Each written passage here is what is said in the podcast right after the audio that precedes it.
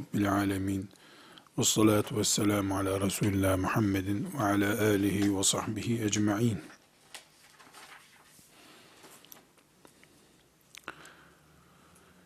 Alimin ümmeti Muhammed'in içinde oturduğu koltuk, alimin başındaki sarığı, alimin konuşması, alimin kitabı, yani alim, sıradan bir insan olarak eline alınamayacak bir kimlik, şahsiyet ve konum sahibi olarak görülmelidir dedik. Eğer alim, Resulullah sallallahu aleyhi ve sellemin varisi olduğu halde, sıradan herhangi bir meslek erbabı gibi algılanabilirse ya da buna yol açılırsa, bu alimin üzerinden dini ve Peygamber aleyhisselamı yıpratmaya giden bir süreci oluşturur. Bu yüzden alim insan ümmeti Muhammed'in peygamberinin ilmine varis olan insan hem kendisi bu ciddiyete sahip olmalı hem de Müslümanlar böyle bir şahsiyeti yıpratmanın bedelinin ne olacağını hesap ederek ona karşı bir kimlik sergilemelidirler. Alim insanın korunması gerekiyor. Bu korunma milli duygulardan, insani yapıdan önce dini duygulardan, dinin hassasiyetinden kaynaklanmalı. Alemin de şüphesiz kendisini koruması, kendi çapında alime yaraşır bir şahsiyetle yola çıkması söz konusudur. E, alimin hayatında zigzaklar olursa ya da alim kendisini itham noktasında bırakarsa elbette zaten zafiyet içerisinde bulunan toplum alim üzerinden menfez bulan şeytana teslim olmuş olur. Alimin tenkit edilmemesi diye bir şey yok. Bunu konuşacağız. Alim tenkit edilir. Bu başka bir mesele. Ama alimin korunması gerekir. İlminin, şahsiyetinin korunması gerekir. Bunu özellikle e, defaatle tekit ediyoruz. Fakat küçük bir paragraf açarak alim kendisini korumalıdır. Alim alim kimliğinin ağırlığını hissetmelidir ve bunu tavırlarında, yazılarında, konuşmalarında, aile içi ilişkilerinde, talebelik, hocalık ilişkilerinde, kendisi gibi alem insanlarla irtibatında bu tavrı sergilemelidir. Alimden beklenen belli başlı özellikleri alimin kendisini koruması açısından ve ümmetin alimlerini korumasına zemin hazırlaması açısından belli hususlar dikkat edilmesi gerekiyor. Birincisi alim diplomasını almış, ununu eleyip eleğini asmış birisi olamaz. Olduğu zaman onun alimliği eskimeye yüz tuttuğu için sürekli tenkite açık bir alimliktir. Resulullah sallallahu aleyhi ve sellem Efendimiz son anına kadar vahye muhatap oldu. Yani hep ilmi yenilendi. Onun varisi olan alimler de hiçbir zaman ilim yolculuğuna ara vermezler. Evet, gözleri bozulur, artık kitap okuyamaz olur. Evet, işte prostat olduğu için, filanca özrü olduğu için İmam Malik gibi, basur olduğu için İmam Şafii gibi bir zaman derslere çıkamayabilir. Ama ilim yolculuğu hiçbir zaman bitmez onun. Gözü bozulduğu zaman, artık kitap okuyamayacak hale geldiği zaman, e, böbrek sancısından dolayı kitap yazamayacak hale geldiği zaman, talebeleriyle ilgilenir. Talebeleriyle ilgilenemeyecek kadar başka bir sorun olduğu zaman, oturup e, kitap yazmayla meşgul olur. Yani ilim yolculuğu sadece kitap okumak, sadece ders vermek değildir. Alimin birden fazla yapacağı iş vardır. Bir alim öncelikli olarak kendisini bir boşluğa, bir tür emekliliğe atmamalıdır. Atamaz da. Emeklilik e, herhangi bir şekilde hayattan kopma anlamına gelebilir. Bu sebeple alim evet artık ders veremeyecek durumda olabilir. Eşi hastadır, çocuğu hastadır, kendisi rahatsızdır, artık tansiyonu yükseliyordur, nabzı düşmüştür, şu veya bu sebep. Yani her insan gibi alim de insandır. E, yatağa düşebilir, naçar olabilir ama en azından ilmi istişarelerine devam eder.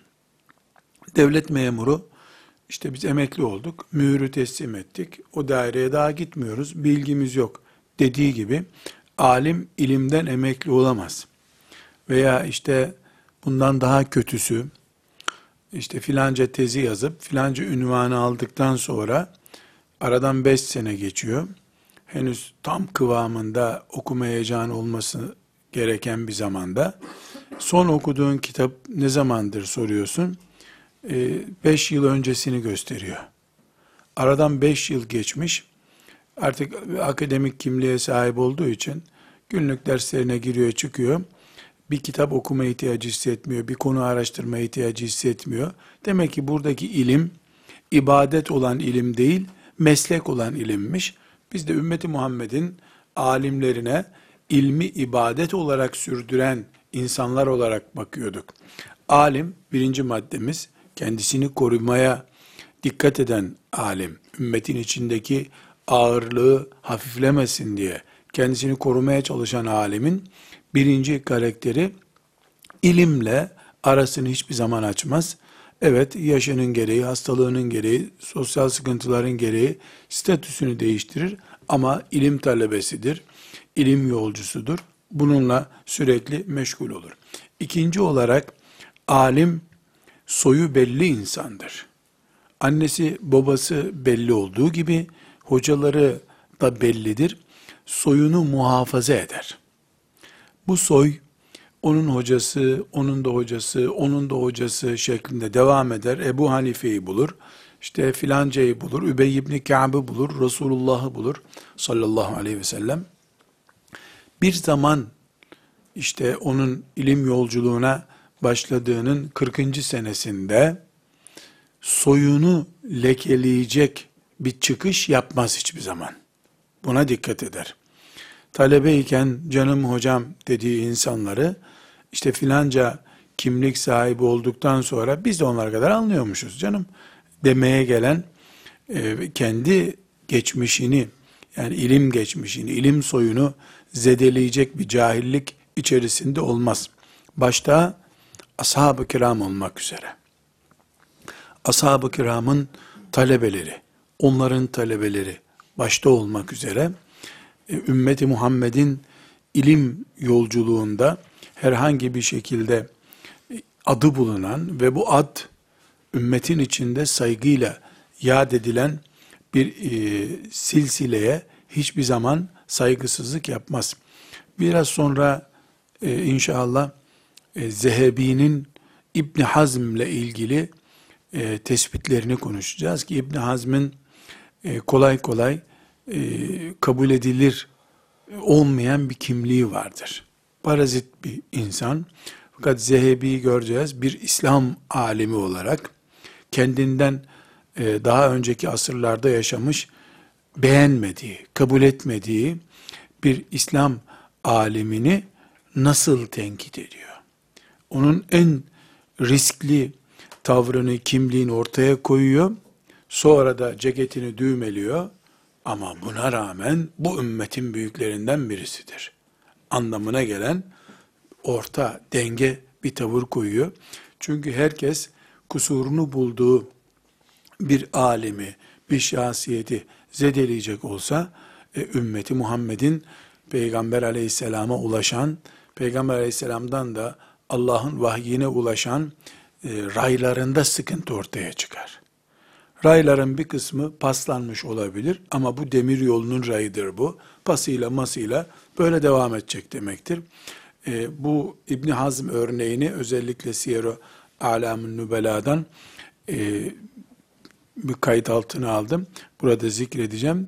Çünkü yani İbn Teymiye'nin bir talebesi olarak sert bir mizaç sahibidir Zehebi, e, hocası gibi. E, her şeye rağmen sertliğini yine ortaya koyuyor, taviz vermiyor. Ama kendisinden sonra birisinin İbn Hazm'e dil uzatmasına da müsaade etmiyor. Her şeyin bir dengesi var diyor. Bu acı biberdir. Helvanın yanında yenmez. Ama acı biberdir diye bunu da çöpe atmıyor. Bunun da sofrada bir yeri var. Bu da bir yere katılır gibi. Bu tevili ben yapıyorum. Onun böyle bir ifadesi yok. Ele alıyor. Üçüncü husus, ümmeti Muhammed'in kendine mahsus ümmeti Muhammed olmasından kaynaklanan insanlık için çıkarılmış Adem aleyhisselamdan itibaren birikmiş bütün insanlığa dair sorunları taşımakla yükümlü olan ümmeti Muhammed olma ağırlığından kaynaklanan bir fitne, gruplanma, gruplaşma sorunu vardır ümmeti Muhammed'in. Bu alimler arasında da vardır. Ee, bir nebze ashab-ı kiramda böyle bir sıkıntı yaşamışlardır. Allah onlardan razı olsun. Ee, Efendimiz sallallahu aleyhi ve sellem de e, ikaz etmiştir. Yani bu ümmetin içinde bir gruplara bölünme, fırkalara ayrılma vardır. Her fırka kendisini doğal olarak haklı görmüştür. Her halükarda bu fırkaların özet olarak bu üçüncü maddeye bir giriş olsun diye söylüyorum. Bu fırkaların bir bölümü etnik e, etkilerden kaynaklanmıştır. İşte Yemenliler mesela, Yemenliler veya Taifliler, işte Bağdat'taki filan kabile birleşmişlerdir. Binaenaleyh onları bir fırka bile kabul etmek mümkün değil, etnik bir yapı olarak kabul ederiz. Ama akidedeki bir meseleden veya muamelattaki bir meseleden kaynaklanan, yani Kur'an'ı anlama, hadisi şerifleri anlama e, farklılığından kaynaklanan gruplar, fırkalar vardır. Bu fırkaların e, hangisinin hak olduğu, hangisinin batıl olduğu konusunda Efendimiz sallallahu aleyhi ve sellem temel bir ölçü koymuştur. Buyurmuştur ki, yani bu bölünmeyi, gruplanmaları e, anlattığı hadis-i şerifinde, peki biz kiminle olalım ya Resulallah diye sorulan bir soruya, cevaben sallallahu aleyhi ve sellem Efendimiz, ben ve ashabımın güttüğü yolu takip edenler. Hak onlardır buyurmuş. Ben ve ashabım. Ben kelimesi sünnet olarak sembolize edilmiştir.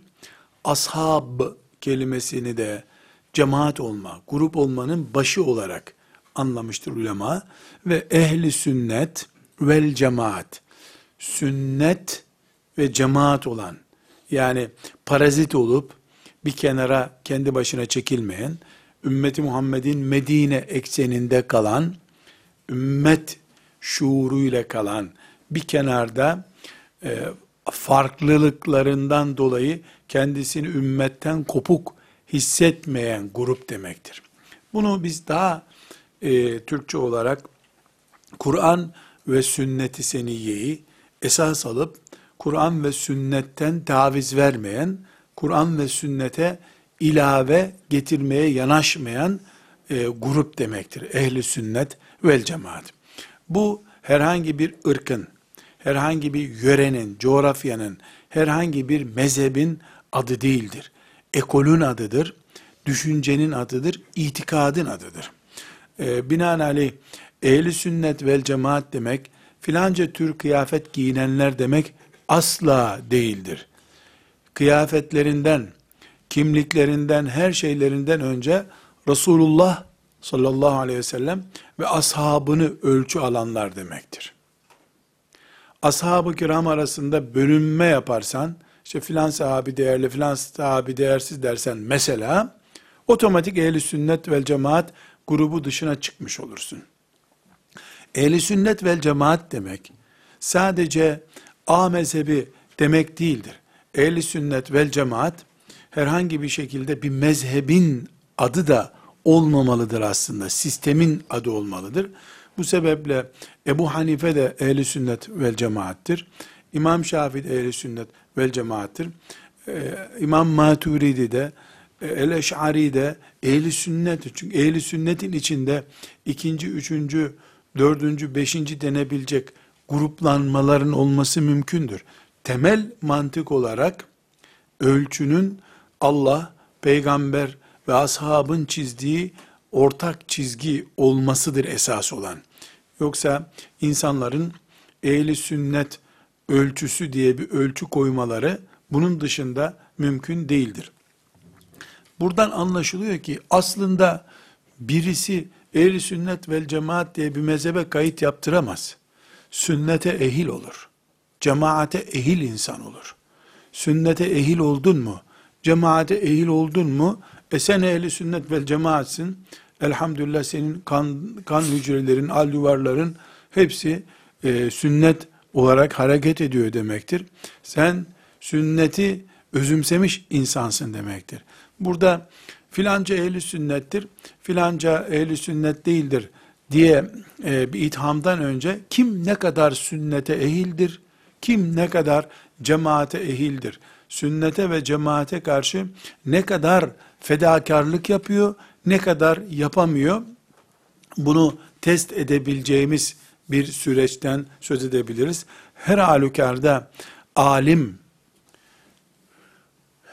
marjinal diyebileceğimiz gruplardan bir grup. Radikal diyeceğimiz aşırı gruplardan bir grup.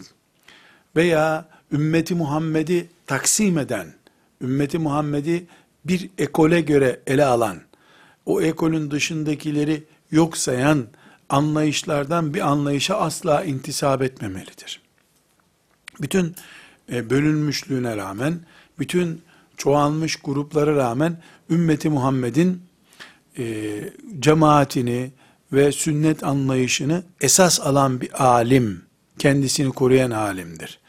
Filanca mezhebe geçmesi, filanca ekole geçmesi halinde, dinden çıkmış, alimliğini kaybetmiştir diyemeyiz. Diyemeyiz. Dememiştir ümmeti Muhammed'in büyükleri bu sözü. Ama biz burada alimin ağırlığını koruması için kendisinin de gayret etmesi gerekir sözünün içini dolduruyoruz. Üçüncü noktada da diyoruz ki, marjinal denebilecek grupların içinde olmayacak. Ehli sünnet vel cemaat kimliğinden taviz vermeyecek.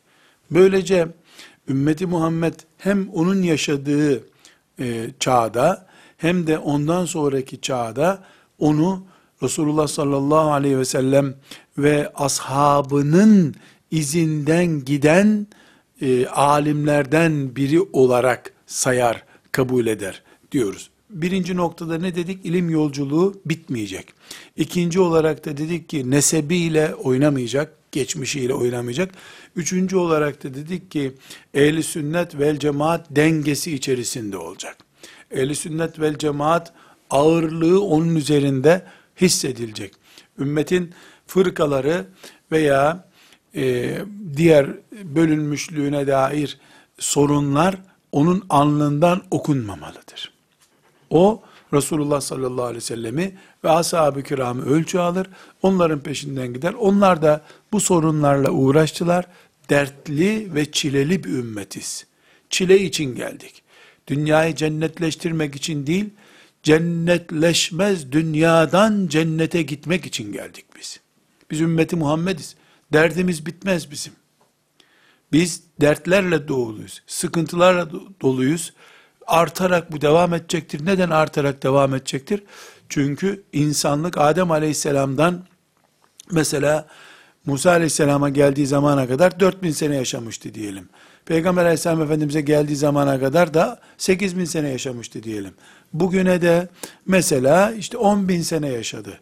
E, 4000. senede insanlığın birikmiş sorunu 10'du. E, 8000. senede 50 oldu. E, bugün geldiğimiz 10 bininci senede 300 oldu insanlığın biriken sorunu. 100 sene sonra da 500 olacağı besbelli bir şey. Gelecekte ümmeti Muhammed daha kolay, daha cici, narin günlere gitmeyecek hiçbir zaman. İnsanlık için çıkarılmış bir ümmet, insanın çilesine talip bir ümmettir. Bu çile gitgide ağırlaşıyor. Adem Aleyhisselam'la aramızdaki mesafe çoğaldıkça sorunlar da çoğalacak demektir. Doğal olan budur. Hakiki sonuç budur. E, dolayısıyla bir sonranın alimleri daha bölünmüşlekler, daha bölünmüş, daha sorunları derinleşmiş bir e, çağ yaşayacaklar. E, o zamanın alimleri ilim olarak, fırsat olarak da daha büyük imkanlarla e, elbette yaşayacaklar. Ama sorunları da daha derin olacak. Bu bir hakikattir. E, dördüncü, e, alimin kendisini koruması gerekir. Ümmetin onu koruması için dediğimizde, alim bir kere sözüyle özü, kitaplarıyla sözü, kimliğiyle tavırları birbirine uyumlu olan insan olmalı. Çok e, basit bir örnek olacak. Alimlerimizin esasen hak etmediği e, ve alimlerin üzerinden konuşulmaması gereken bir şeydir ama herkesin işte benim bile alim kabul edilebildiğim bir zamanda e, kim kimdir belli olması açısından e, bir örnek olarak zikredebilirim. Mesela e, zühdü, dünyaya tenezzülsüzlüğü, e, Peygamber sallallahu aleyhi ve sellemin evinin e, insanın başının çatacağı kadar e, alçak bir tavanlı olduğu, çamurdan bir evde yaşadığı, yastığının hurma liflerinden oluştuğu, işte üç gün üst üste sıcak bir çorba içmeden bu dünyadan gittiği gibi e, konuları anlatacağı bir e, ders yapan alim, bunun için 2000 euro istememelidir.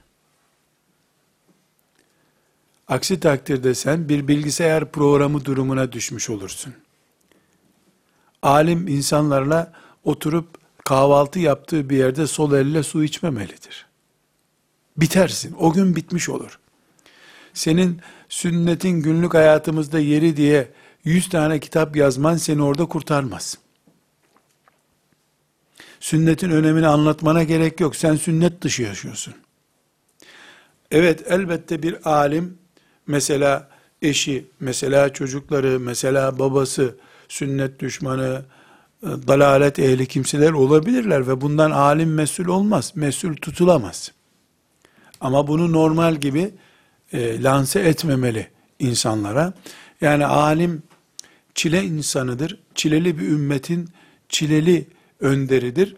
E, elbette başına bin bir sıkıntı gelir ama insanların ortasında sigara içen bir alim de o alimlik vasfını yitirebilir. E alim sigara diye bir illete düçar olamaz mı? Olur, olur. Öyle bir sıkıntısı olur alimin. İnsanoğlu bu. E bari talebelerinin önünde sigara içmez. Alim de kusursuz insan değildir. Peygamber değil. Alim. E, alimin de çok ayıplanabilecek 3-5 kusur olur mu? Olur elbette. Niye olmasın? Ama bunların ezikliğini hisseder. En azından işte Şafii uleması sakal kesmeye haram demiyor diye laubali bir tartışmaya girmez. Sakalını bırakamadığını, işte belli şartları olduğunu e, vesaire söyleyebilir. Ama İmam Şafii buna e, izin veriyor gibi uydurma bir e, fetvaya dayanamaz. Alim hata eder. Hatasının avukatlığını yapmaz. Bu şekilde özetleyebiliriz. Alemin sözü, kitabı, şahsiyeti, tipi, kılık kıyafeti bir denge unsuru olarak aynı şeyleri yansıtmalıdır. Konuşurken Anadolu deyimiyle mangalda kül bırakmıyor, sustuğu zaman oturduğunda sol elle çay içiyor. Sağ eli de sağlam. Herhalde böyle bir insan Resulullah sallallahu aleyhi ve sellemin vekili olarak toplumda bir ağırlık hissettiremez. Ve beşinci e, bir nokta olarak da alim şüphe oluşturacak sözlerden, yazılardan, tavırlardan uzak durmalıdır. Fitneye neden olmamalıdır alim. Kendi şahsında doğru iş yaptığına e, ikna olmuş olsa bile alim toplumun anlamayacağı şeyleri gündeme getirmemelidir. Ben haklıyım. Yüz tane ayetim, delilim var diyebilir. Ama toplumun itiraz edeceği şeyleri kesinlikle e, toplumun zıttına zıttına giderek ortaya koymamalıdır. Burada çok önemli e, bir örnek zikretmem gerekiyor. Alim neden böyle yapmalıdır ve nerelerde bunu uygulamalıdır? Dinden taviz vermesi manasında bir şey değil bu. Peygamber Efendimiz sallallahu aleyhi ve sellemin Kabe ile ilgili bir hatırası vardır. Sahih bir hadis-i şerifte. Kabe e, dik dörtgen gibiymiş zamanında. Şu anda kare gibidir. Tam kare değildir ama kare gibi durur. Esasen dikdörtgenmiş Kabe. Ee, Efendimiz sallallahu aleyhi ve sellemin e, gençliğinde biliyorsunuz Kabe selde yıkılmıştı. Mekkeli Kureyş toplanıp yeniden yaptılar. Onu fazla malzeme bulamadıkları için de bu kadarını yapabilmişler Kabe'nin. İbrahim Aleyhisselam'ın yaptığı Kabe ise daha farklı. Efendimiz sallallahu aleyhi ve sellem Mekke'nin fethinden sonra Ayşe annemize buyuruyor ki Ayşe diyor şu Kabe'yi İbrahim dedemin yaptığı gibi yapmam gerekiyor. Asıl orijinal tipinde değil şu anda.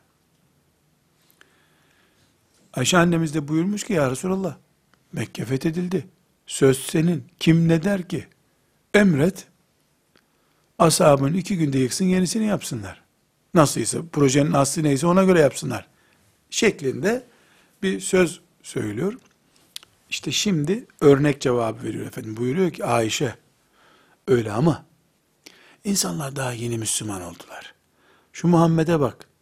Eline güç geçince Kabe'yi bile yıktı derler sonra diyor.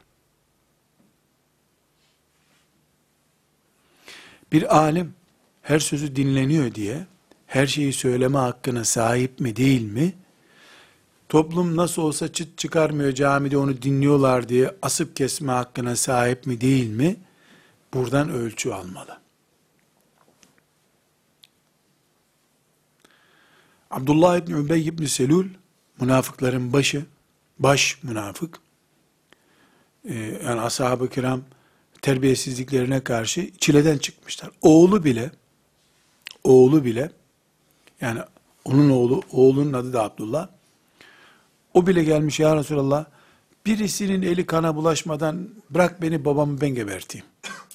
Kurtulsun Müslümanlar bu adamdan. diye oğlu söylemiş bunu. Babasını öldürmek için. Efendimiz sallallahu aleyhi ve sellem her öldürme müdahalesine karşı verdiği cevap çok enteresan. O ve diğer münafıklar için de geçerli bu. Muhammed zayıfken kimseyi öldürmüyordu. Eline güç geçince öldürmeye başladı derlerdi buyurmuş. Bu insanlar ne der ne demez de çok etkilenen bir peygamber kimliğini göstermiyor. Allah'ın şeriatında emirse, yasaksa kimin ne dediği çok önemli değil. Siyasi, konjektürel bir karar verilecekse eğer, bunun ertelenmesi de mümkünse, dedikoduyu dikkate alarak hareket ediyor demek ki. Aynı şekilde maksumiyeli kadın hırsızlık yaptığında kolunu kesmekle ilgili şefaat yani kesmesek olmaz mı hususunda ayağa kalkmış kızım Fatıma bile hırsızlık yapsa hiç tereddüt etmem keserim. Lev enne Fatımete binte Muhammedin sarakat le kata'tu yedeha. Fatıma da hırsızlık yapsa maazallah onun da elini keserim. Neden Allah'ın şeriatının hiçbir esnekliği yok bu konuda. Burada taviz yok. Ama Abdullah İbni Übey İbni Selül veya filan münafığı öldürsen de öldürmesen de günübirlik bir politik karar bu. Konjektürel bir karar bu. Bunu ertelemeyi tercih ediyor.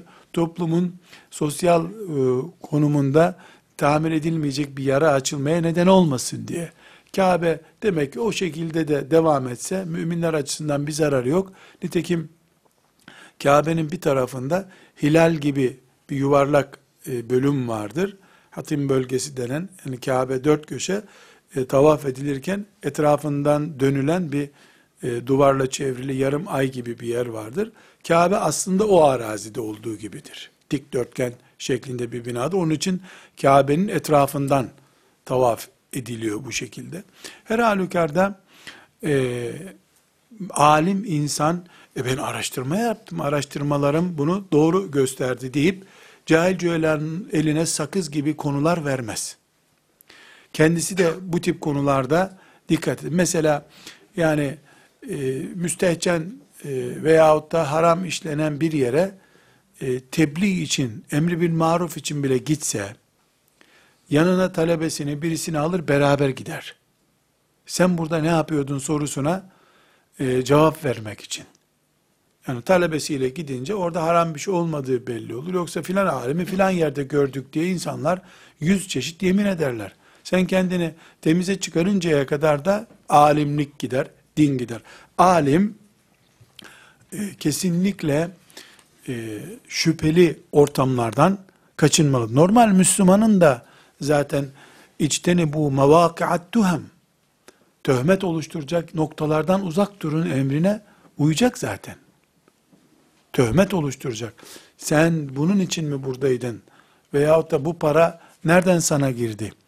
Gibi, nereden buldun bu parayı gibi soruların sorulacağı noktalardan alim uzak duracak. Normal Müslüman bile uzak duracak. Alim haydi hay zaten uzak duracak.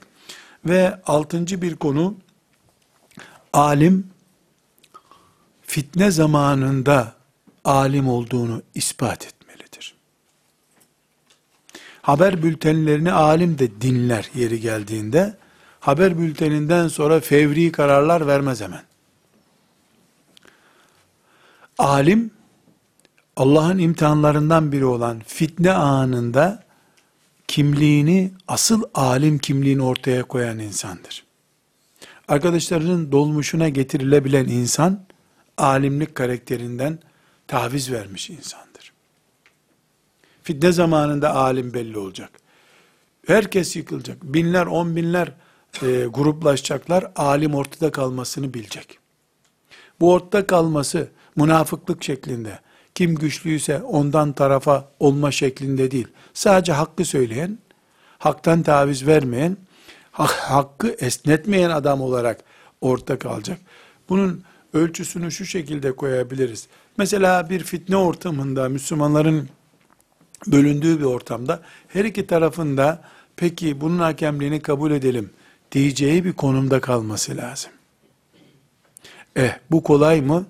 En az alim olmak kadar zor bir tavırdır bu. Nasıl alim olmak için belki 20 sene medreselerde diz çürütmek gerekiyor. Aynı şekilde böyle fitne zamanında sallanmayan adam olmak için de belki o kadar bir süre ve sebat gerekiyor. Bunu bu şekilde tespit edelim. Evet, bunları zikrettik. Neden? Dedik ki alim korunmalıdır. Ama alim de kendisini korumalıdır her, her şeyden önce. Ümmeti Muhammed, mümin toplum alimi koruyabilmesi için alemin kendisini koruması lazım. Alemin kendisini koruması adına da şu altın noktaya özellikle dikkat etmelidir dedik. Burada Ee, özellikle e, meselemizin alemin korunması gerekliliğinin e, en önemli e, makul nedenini tekrar ediyorum. Alemin yaralanması ilmin yaralanmasıdır. İlim yaralandığında bu yaranın kanı ta vahye kadar dayanır.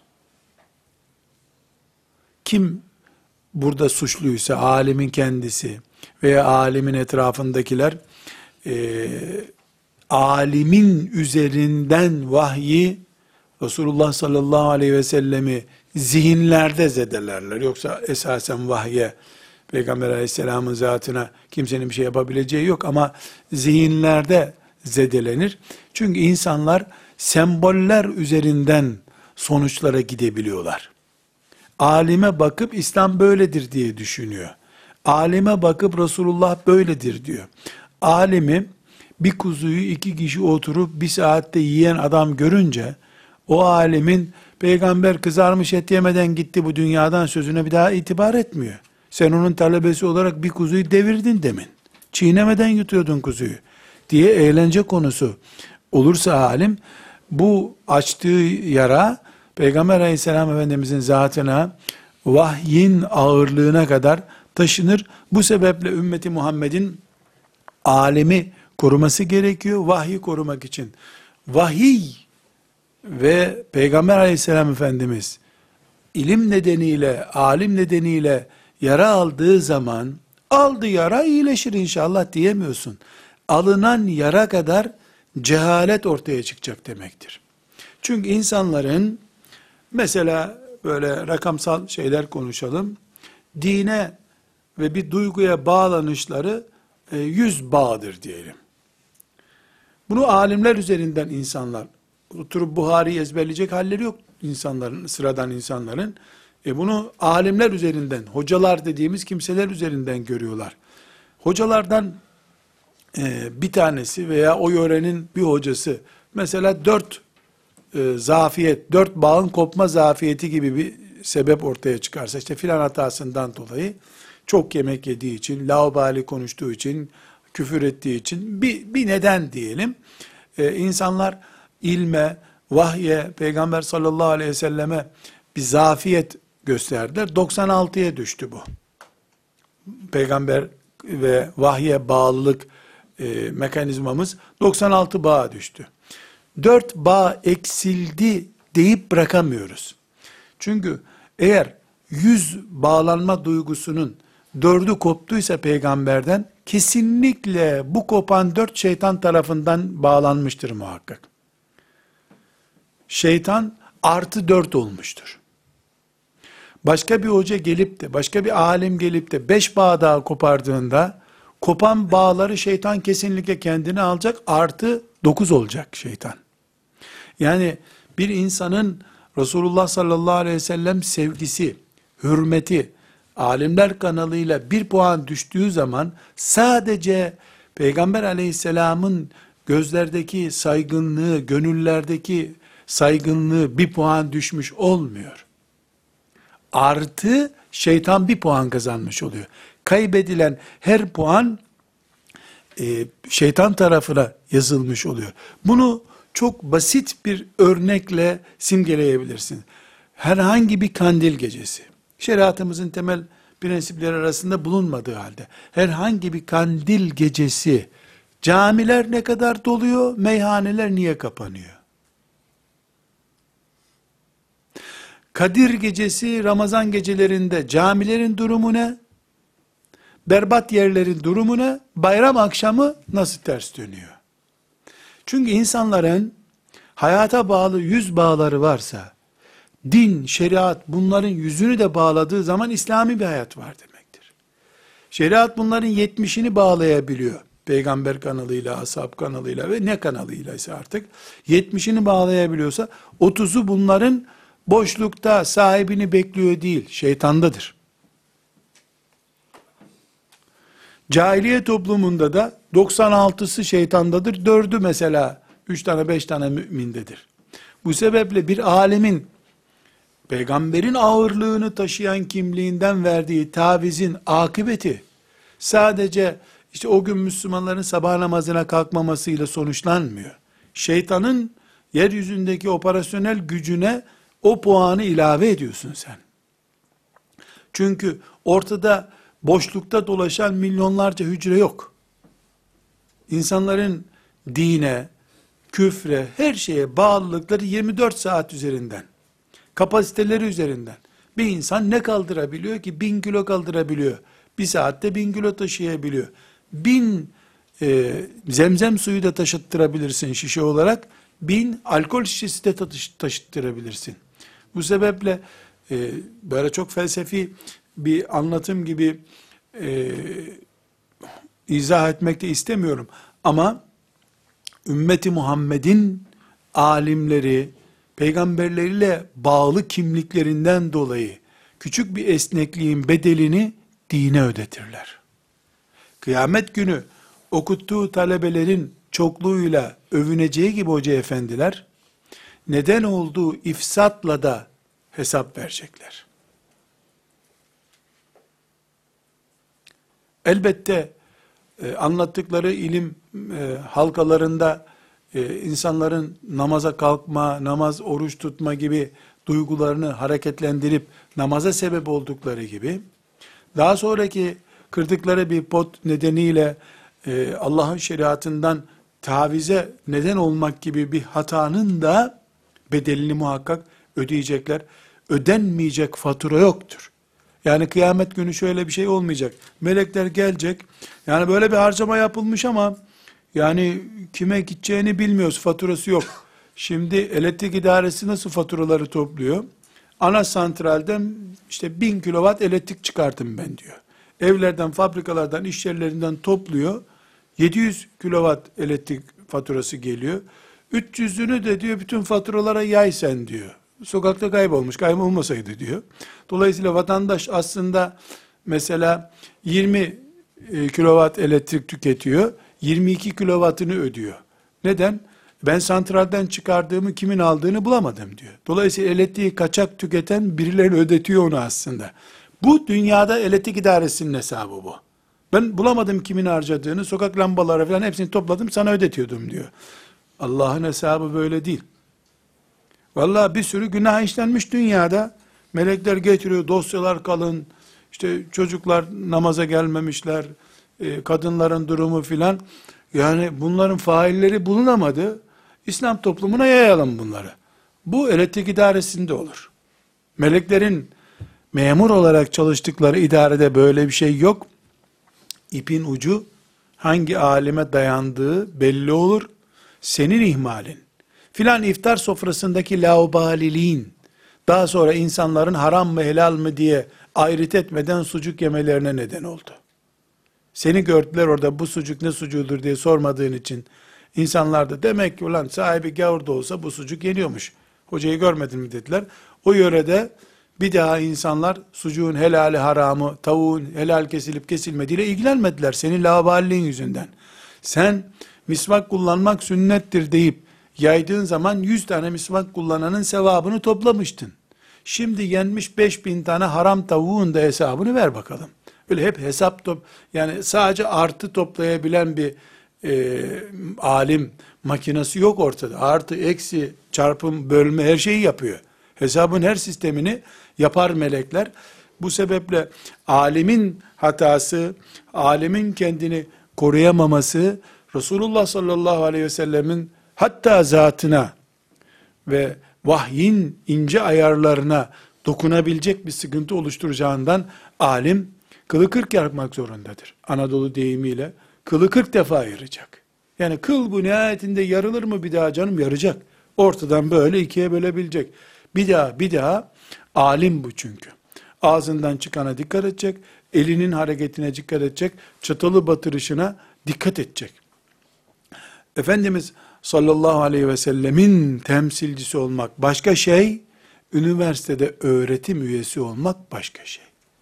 Biz Resulullah'ın sallallahu aleyhi ve sellem mümessili durumundaki alimden konuşuyoruz. Evet. Burada ileriki dönemlerde e, alimlerin yaralanmalarının ümmeti Muhammed'e asırlara mal olan ve kitlesel facialara neden olabilecek büyük e, yaralar açtığını e, örneklerle zikredebilirim. Sadece şimdi başlıklarını kullanalım. Çok ileriki derslerimizde inşallah e, mesela bir Ebu Hureyre başlığı diye başlık açacağız. Orada göreceğiz bunu inşallah. Ümmeti Muhammed'in ilim yolculuğu, vahye dayanan ilişkilerinde e, yaralanmaya neden olan ilk büyük facia ifk olayıdır. Münafıkların Ayşe annemiz radıyallahu anhanın üzerinden ihdas ettikleri bu fitne ki yapanları Allah'ın lanetiyle ve azabıyla helak olup gittiler. Yani Ayşe annemize sıradan bir kadına söylendiğinde bile cinayet olacak sözler söylediler. Medine sokaklarında. Bu yara kapanmadı. Ayşe anamız ashab-ı kiramın kadın bölümünün en büyük alemidir. Erkeklerinin de ilk onunda büyük alemdir. Birinci paragraf. İkinci paragraf, Ayşe annemizin öyle edepsiz sözlerden yerle gök arası kadar büyük bir mesafede uzak olduğunu Allah garanti etti. İnnellezîne câ'û bil ifki usbetun minkum. Bu iftirayı uyduranlar içinizden bir grupturlar. Bunun bir iftira olduğunu Allah söyledi. Kur'an'da ayettir bu. Allah bu bir iftiradır. Bu tertemiz. Analarımızın analarından milyar kere daha temiz bir kadın olduğunu Allah söyledi. İki. Üç. Bütün müminlerin He Allah böyle dediyse bitti de canım selamun aleyküm deyip kapatmaları gerekiyor bu konuyu. Üstelik de içlerinde böyle kalın bir cız sesi gelmesi gerekiyor. Mangala et değdiğinde nasıl böyle cız diye bir ses yapıyor? Kızgın mangala et köfteyi koyduğunda cız diye bir ses çıkıyor. Müminler bu ayeti okuduklarında bile anaları Ayşe'ye bu söz nasıl söylendi diye yüreklerinden kalın bir cız sesi çıkması lazım. Ve tövbe estağfurullah bunu kulaklar nasıl duydu canım demiş. Ayet zaten ne diyor sonra? Neden böyle bir şey duyduğunuzda bu hada buhtanun azim diye feryat etmediniz Allah buyuruyor. Nasıl siz ananıza böyle bir iftiraya karşı feryat etmezsiniz ya? Hada buhtanun azim. Niye böyle demediniz? Bu büyük bir iftiradır. Niye sahiplenmediniz ananızı demeye gelen ikazı var Allah. Bitti bu konu kapandı. Üç, dört. Öyle olmadı arkadaşlar. Çamur atıldı. İran'daki insanlarda birbirlerine hakaret edecek zaman Ayşelik yapma diyorlar. Açın, internet dünyasına bakın. Nauzu billahi teala.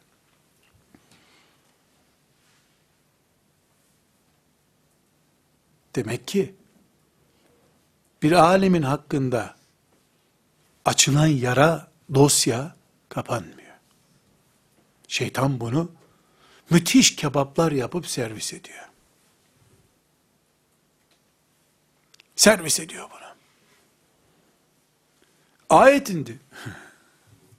104 kitap indi de insanlık hidayet mi buldu? Hidayet mi buldu? O sebeple İmam Malik'e kadar dayandırılan e, ümmeti Muhammed'in önde gelen büyük şahsiyetlerinin sözü olarak, toplu bir söz olarak naklediyorum. Ayşe anamız hakkında ayet indiğine göre, Ayşe anamıza eğri büğrü dil uzatan kafirdir diye hükmedilmiştir. Onun İsrail'e karşı, Yahudi, Siyonizme karşı propagandasının beş kuruş değeri yok. Siyonisten beter o çünkü.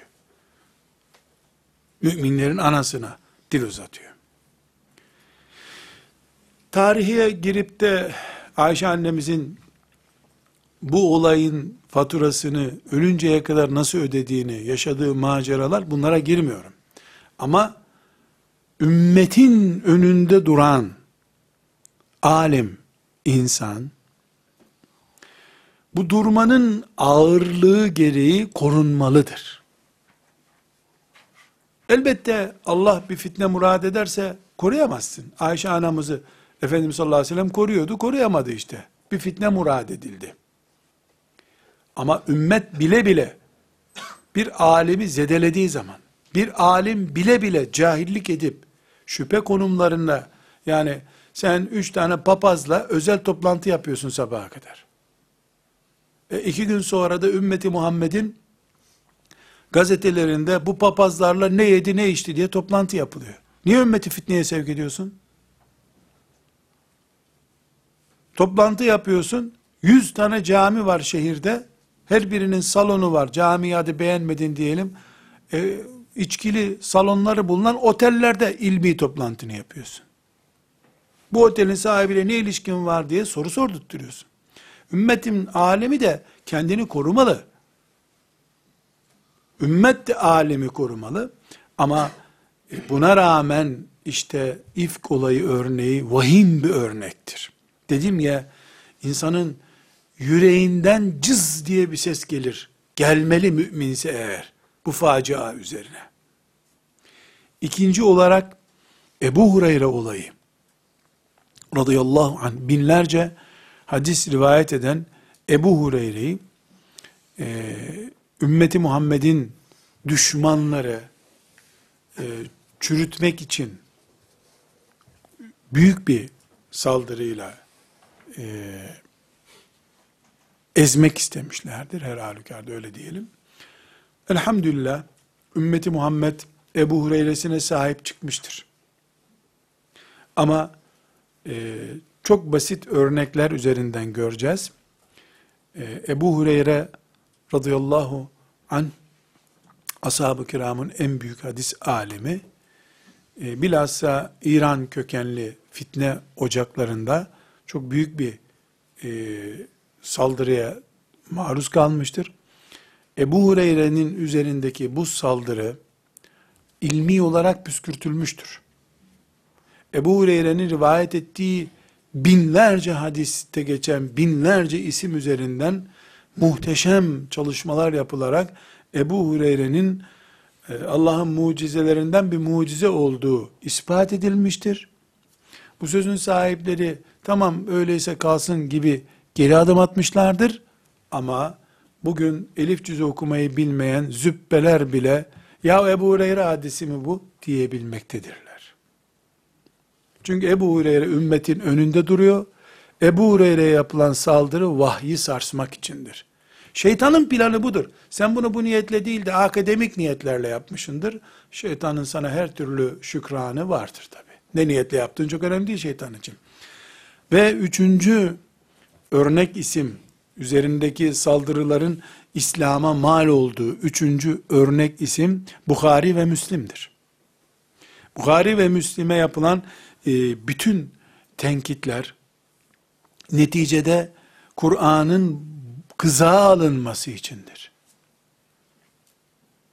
Yani dört tekerlekli bir arabanın iki tekerini kaldırdığınız zaman, çeker tekerlerini kaldır, hatta birini kaldırdığınız zaman, araba boşlukta kalır. Gazına istediğin kadar bas.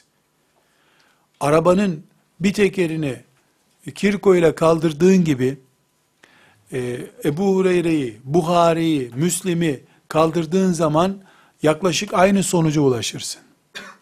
Kur'an-ı Kerim hiçbir şekilde sana gaz vermez. Hareket vermez. Bu ümmeti Muhammed'in hassas ayarı olduğu için. Ve bir başka örnek arkadaşlar, dördüncü örneğimiz, ashab-ı kiramın hangisi olursa olsun, sahabe tartışıldığı yerde, alim tartışılıyor demektir. Çünkü neden? Bize intikal etmiş sahabi isimlerinin, adını soyadını kimliğini bildiğimiz sahabelerin çok büyük bir bölümü bir hadis rivayet ettiği için bir olaya tanık veya e, katılımcı olduğu için e, ashab-ı kiram bize ulaşmıştır.